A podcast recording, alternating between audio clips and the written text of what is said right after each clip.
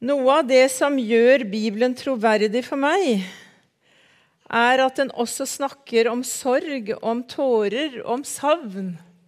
Og ikke bare om seier, og ikke bare om eh, jubel og glede. Og Jeg har tenkt på denne allehelgensdag å tale noe om gråt, om trøst og noe om himmel. Jeg vet ikke hva du bærer i ditt hjerte, men jeg tror at alle voksne mennesker bærer på et tomrom i seg etter mennesker som har gått bort, mennesker som har betydd noe for oss, og som vi har mistet. Og I våre hverdagsliv og ting går tilsynelatende bra, så bærer vi det med oss. Og det er en del av livet. Da Jesus ble fristet i ørkenen, så ble han fristet med tre ting. Det var rikdom, det var makt, og det var et smertefritt liv. Og det, det var forsøk på at han ikke skulle komme til korset. Og nå er jeg veldig glad for at Jesus kom til korset, og at han sonet en gang for alle menneskenes synd. Derfor behøver aldri mennesker å sone lenger. Med mindre man må i fengsel for noe kriminelt, da.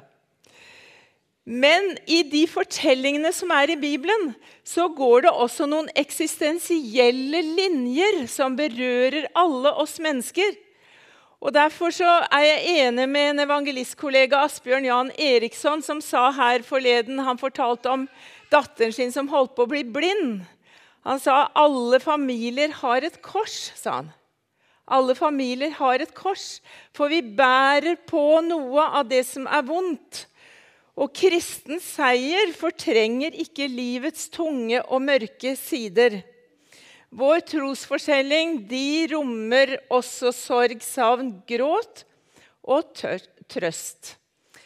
Eh, og jeg har lyst til å lese, at vi skal lese sammen en tekst fra påskeevangeliet. Der står det mye om både gråt om seier, og det er om Maria. Og Maria som kommer til graven og ehm, eh, hun har vært til graven og funnet den tom, og hun møter Johannes og Peter, og de går sammen til graven. Og Vi skal lese sammen hvis vi får teksten opp på veggen nå. Da må jeg snu meg så jeg leser sammen med dere. Kan vi ikke lese høyt? Skal jeg prøve å lese sakte? Men Maria sto utenfor ved graven og gråt. Som hun nå gråt, bøyde hun seg og så inn i graven. Da får hun se to engler i skinnende hvite klær som sitter der hvor Jesu legeme hadde ligget, en ved hodet og en ved føttene. De sier til henne, 'Kvinne, hvorfor gråter du?' Hun sier til dem, 'De har tatt min Herre bort, og jeg vet ikke hvor de har lagt ham.' Da hun hadde sagt dette, snudde hun seg og så Jesus stå der. Men hun visste ikke at det var Jesus. Jesus sier til henne, 'Kvinne, hvorfor gråter du? Hvem leter du etter?' Hun trodde det var hagevokteren og sa til ham, 'Herre, dersom du har båret ham bort, da si meg hvor du har lagt ham, så vil jeg ta ham.' Jesus sier til henne, 'Maria.' Da vender hun seg og sier til ham på hebraisk, 'Rabuni', det betyr mester. Jesus sier til henne, 'Rør ikke ved meg, for ennå er jeg ikke fart opp til Faderen.' Men gå til brødrene mine og si til dem:" Jeg farer opp til min far og deres far, min Gud og deres Gud. Maria Magdalena kommer og forteller disiplene, 'Jeg har sett Herren', og hun fortalte dette som han hadde sagt til henne. Himmelske Far, vi ber at Din gode ånd skal levendegjøre levengjøre ordet for oss, så det blir mat for vår sjel, styrke for vår tro. Jesu navn. Amen. I teksten så møter vi altså Maria, og Maria er den som sto ved Jesu kors sammen med Maria, Jesu mor. Maria var også den som Jesus hadde drevet syv demoner ut av. Og nå hadde hun altså mistet sin beste venn. Og han som var hennes befrier og frelser, han som hadde forandret hele hennes liv. Og det var den største forandringen i hennes liv, og nå var han borte. Og nå hadde hun ikke engang en grav å gå til. For vi som har en grav å gå til, vi tenner kanskje lys i dag, og vi minnes, men Maria hadde heller ikke en grav å gå til. Og så møter hun altså en mann ved graven som sier, 'Kvinne, hvorfor gråter du?' Eller 'Hvorfor gråter du, kvinne?' Og det er som om den setningen på en måte er en sånn, eh, en sånn overskrift til alle mennesker. Hvorfor gråter du? Hvorfor gråter vi? Hvorfor gråter du, kvinne? Hvorfor gråter du, mann? Og hvem leter du etter? Hva leter du etter? For når vi mister, så leiter vi etter fotfeste igjen. Så la oss en lite øyeblikk løsrive setningen fra fortellingen om Maria og Jesus og tenke Kvinne, mann, hvorfor gråter vi?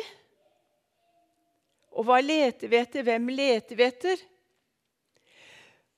Og da tenker jeg at Bibelen på en måte anerkjenner at det er gråt i verden, og det skal det være, folkens. Vi må ikke slutte å gråte over verdens nød. Og det er mye å gråte over, og det er fare for at vi blir harde, at vi blir kyniske, at vi blir følelsesløse, fordi det, vi får inn så mye nød i verden. Men jeg ønsker at det skal lyde i vårt hjerte og i vårt sinn. Hvorfor gråter du, Solveig? Hvorfor gråter du, kvinne? Hvorfor gråter du, mann? Hvorfor gråter vi i verden? Jo, fordi det er mennesker som lider, det er mennesker som har gått bort. Og savn og sorg hører menneskelivet til. Og hun svarer da Maria, de har tatt Herren min bort, og jeg vet ikke hvor de har lagt ham.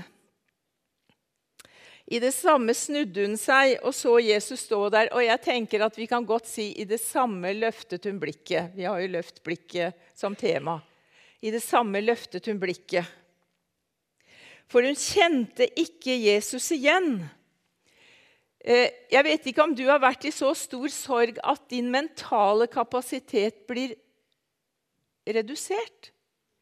Du ser på en måte ikke det de andre ser. Og har du vært i en tøff begravelse, så husker du kanskje nesten ingenting derfra. Og Det er derfor vi trenger å fortelle og fortelle og fortelle og prate og prate og prate for å ankre til vår mentale kapasitet når vi er i sorg. Vi ser på en måte i tunnel. Og så kommer hun, altså, så løfter hun altså blikket, eller hun snudde seg og ser Jesus stå der, men hun, skjønner ikke at det er han. Hvorfor gråter du, kvinne? Hva leter du etter? Hun trodde det var gartneren eller hagearbeideren som sto der. Herre, hvis du har tatt ham bort, så si meg hvor du har lagt ham, så skal jeg ta meg av ham. Og selv om hun ikke så at han var i graven, selv om hun hadde sorg, så tenkte jeg må stelle med minnet hans, jeg må stelle med kroppen hans, jeg må stelle, jeg må ta vare på det dyrebare. Sånn som vi gjør når vi har mistet noen. Og så sier Jesus da Maria. Maria. Og så kan vi dra denne setningen 'Kvinne, hvorfor gråter du?' ned til Maria, til den enkelte. Du vet, Bibelen, evangeliet, den på en måte er et vern mot menneskets navn og identitet. Jesus kom ikke bare til hele verden for å frelse, men Jesus kom til hver den som tror. Og så bryr ikke Jesus seg bare om en verden i sorg og savn, men han bryr seg om deg. Han bryr seg om meg. Han kaller oss ved navn, og han vil trøste.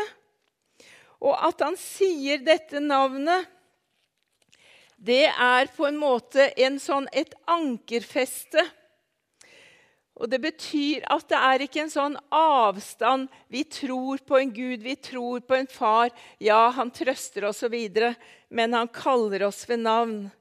Og da snudde hun seg og sa til ham på eh, hebraisk Rabuni, det betyr mester. Hun forstår at det er han. Og så sier han noe rart. 'Rør meg ikke, for jeg er ikke gått og reist opp til min far.' Det skjønner jeg ikke. For når Thomas ser den oppstandende Jesus, så får han røre ved hendene. Det er mye der en kan undre seg over. Men det er liksom som om oppstandelseslivet gjør at det er en hellighet rundt Jesus. Og så sier han, 'Gå til mine brødre og si til dem at jeg stiger opp til ham, som er min far og far for dere, min Gud og deres Gud.' Og her er det ikke bare 'ja, jeg skal dra opp til far, jeg', opp til min Gud. Men han sier 'deres far også'. Det er deres Gud også. Og så ser vi at Jesus i en sånn stund inkluderer dem som han inkluderer oss. Det er et vi i evangeliet. Vi er Jesu venner, vi er Jesu brødre. I et av de andre eh, evangeliene, i, eh, i f.eks. i Markus' evangeliet, så sier Jesus litt, Da leser vi litt andre, annerledes. Der står det i kapittel 16 eh, når, du, når, englene møter Peter, så sier de til Peter han går i forveien til dere i Galilea. Der skal dere få se ham slik som han sa dere. Og jeg tenker at Trøsten i det savnet Nå vet du, Jesus var oppstått. Maria møtte den levende Jesus igjen. Men det var ikke mange dager etter så var han borte. Det var ikke en evig tilstedeværelse fysisk. Men trøsten er to ting, minst. Det ene er at Jesus sier 'Jeg går bort, men jeg lar dere ikke være igjen som foreldreløse barn. Jeg kommer til dere.' Altså, trøsten er at, at vi ikke er aleine. Jeg er med dere. Jeg er med dere alle dager. Og det andre han sier, er at 'jeg går i forveien for dere'. Jeg går i forveien for dere. Og det at vi ikke er alene, det gjør at vi kan åpne vårt sorgtunge hjerte, vårt dype savn, og så kan vi si, 'Kjære Jesus, takk at du er med meg, at du vet om meg, at du trøster meg, at du kjenner min nød, at jeg ikke bør være skamfull over å sørge, at jeg ikke bør være skamfull over å være sint, over mine følelser, over mine tanker osv. Jesus er midt i vår nød. Han sier at han bor ved troen i vårt hjerte. Han har gitt oss av sin ånd. Og Derfor så kan vi sørge ikke som holdt jeg på å si, tomme kar, men vi kan sørge ærlig og oppriktig, men med Guds nærvær i oss. Og det står at Den hellige ånd tar av det som er Guds, og gir til oss. Og jeg tror at via andre mennesker og via når vi ber, så kommer Gud og trøster oss med ord, med sanger, med vennlige handlinger, fordi han er med. Ikke for å ta bort sorgen, men det kan lette, og vi vet at vi står i en sammenheng. For Jesus sier at 'jeg går i forveien for dere'. Og i Johannes eh, evangelium kapittel 14 så sier han noe veldig kjente vers som mange av dere sikkert har, eh, kan og har lest mange ganger. Der står det 'La ikke hjertet bli grepet av angst'. Tro på Gud og tro på meg. I min fars hus er det mange rom.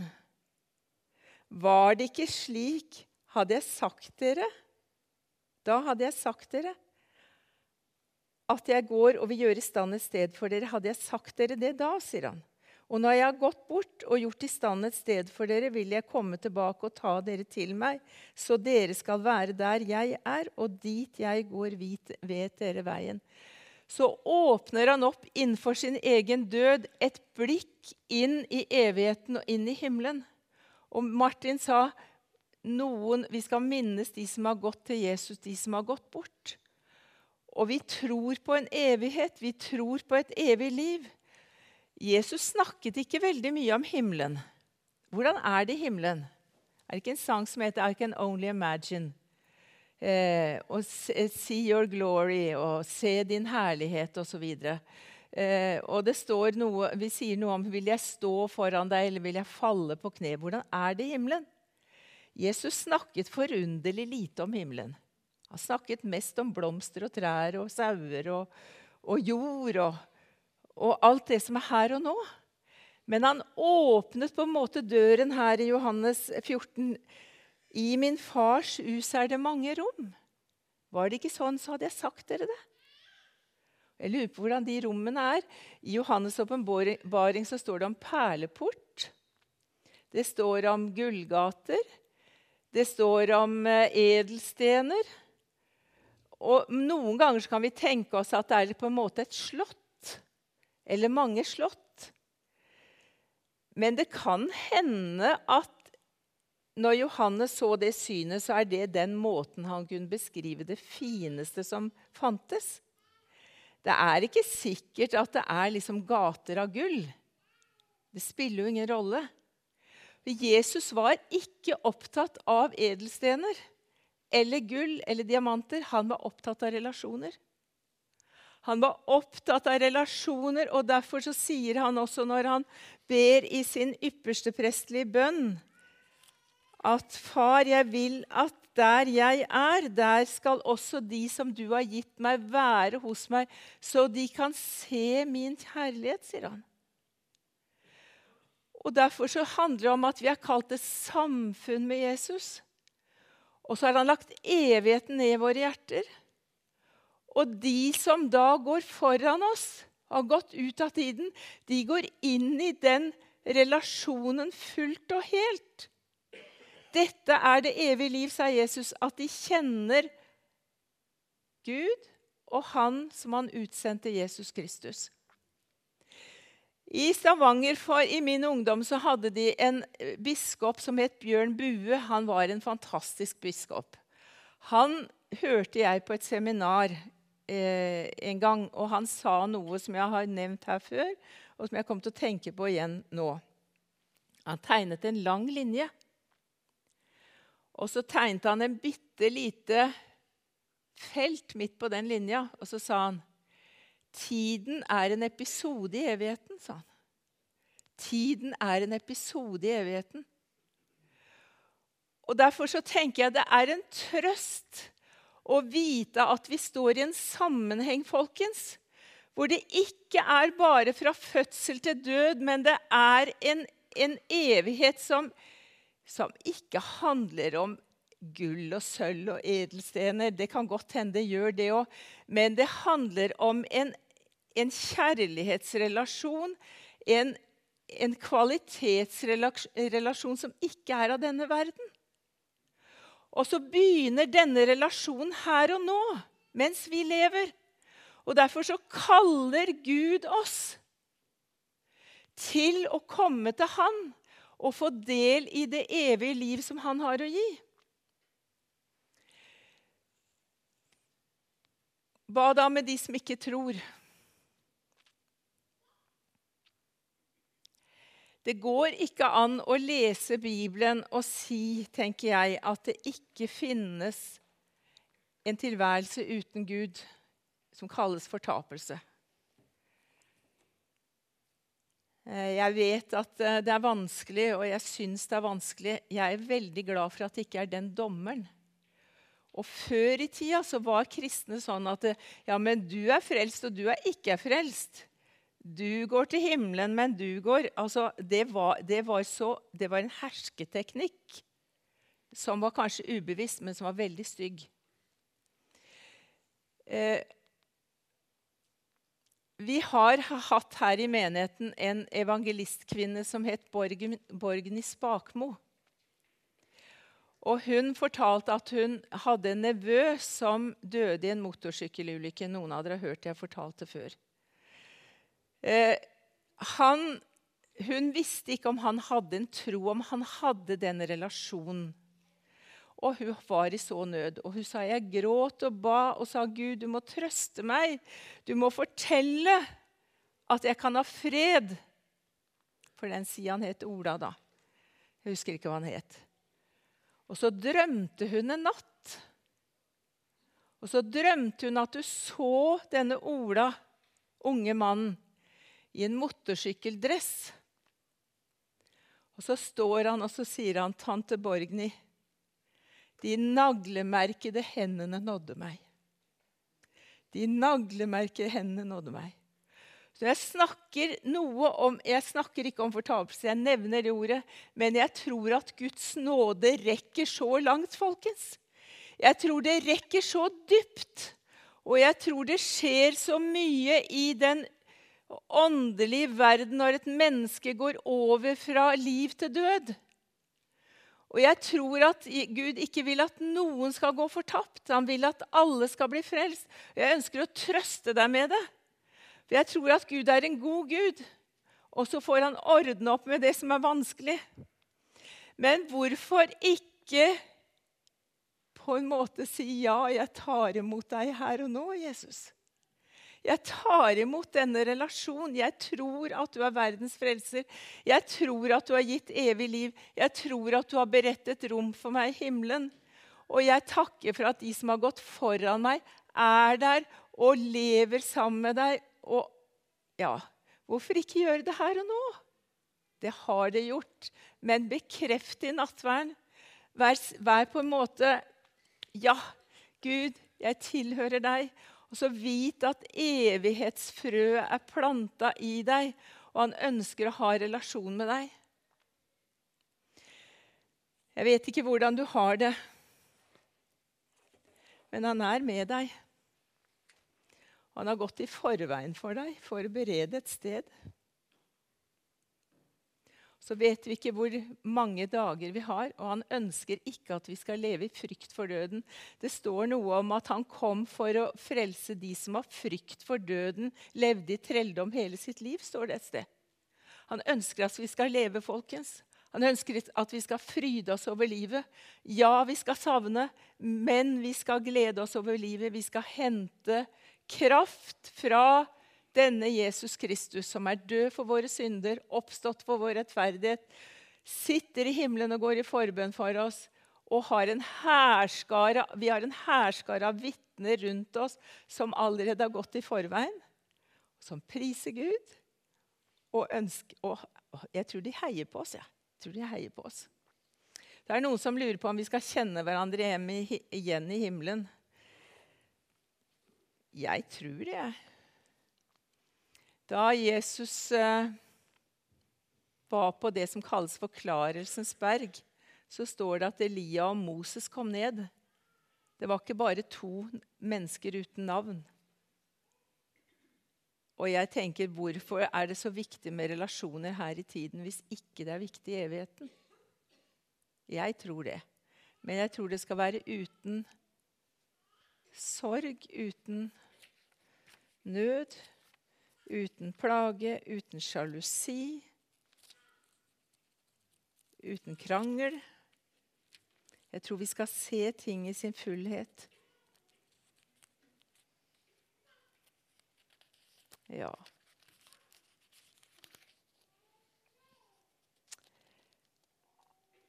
Ja, jeg skal slutte med åpenbaringsboken 21.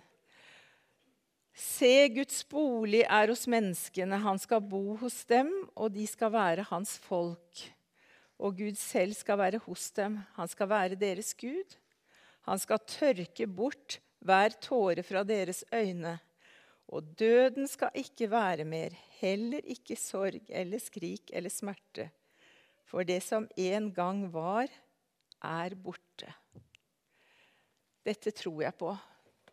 Dette er en troverdig tro. Dette kan vi leve på, dette kan vi dø på. Herre, jeg takker deg. Takk for den ærlige boka Bibelen. Den taler om, om nød, om tårer. Takk for trøsten i ditt nærvær. Takk for trøsten at du har beredt et sted. Og takk at det er nåde hele veien. Vi behøver ikke prestere, vi kan bare ta imot og si 'Dette holder jeg for sant'. Dette overgir jeg meg til. Velsign oss fortsatt når vi går til, hardt nattvær og deler fellesskapet. I Jesu navn. Amen.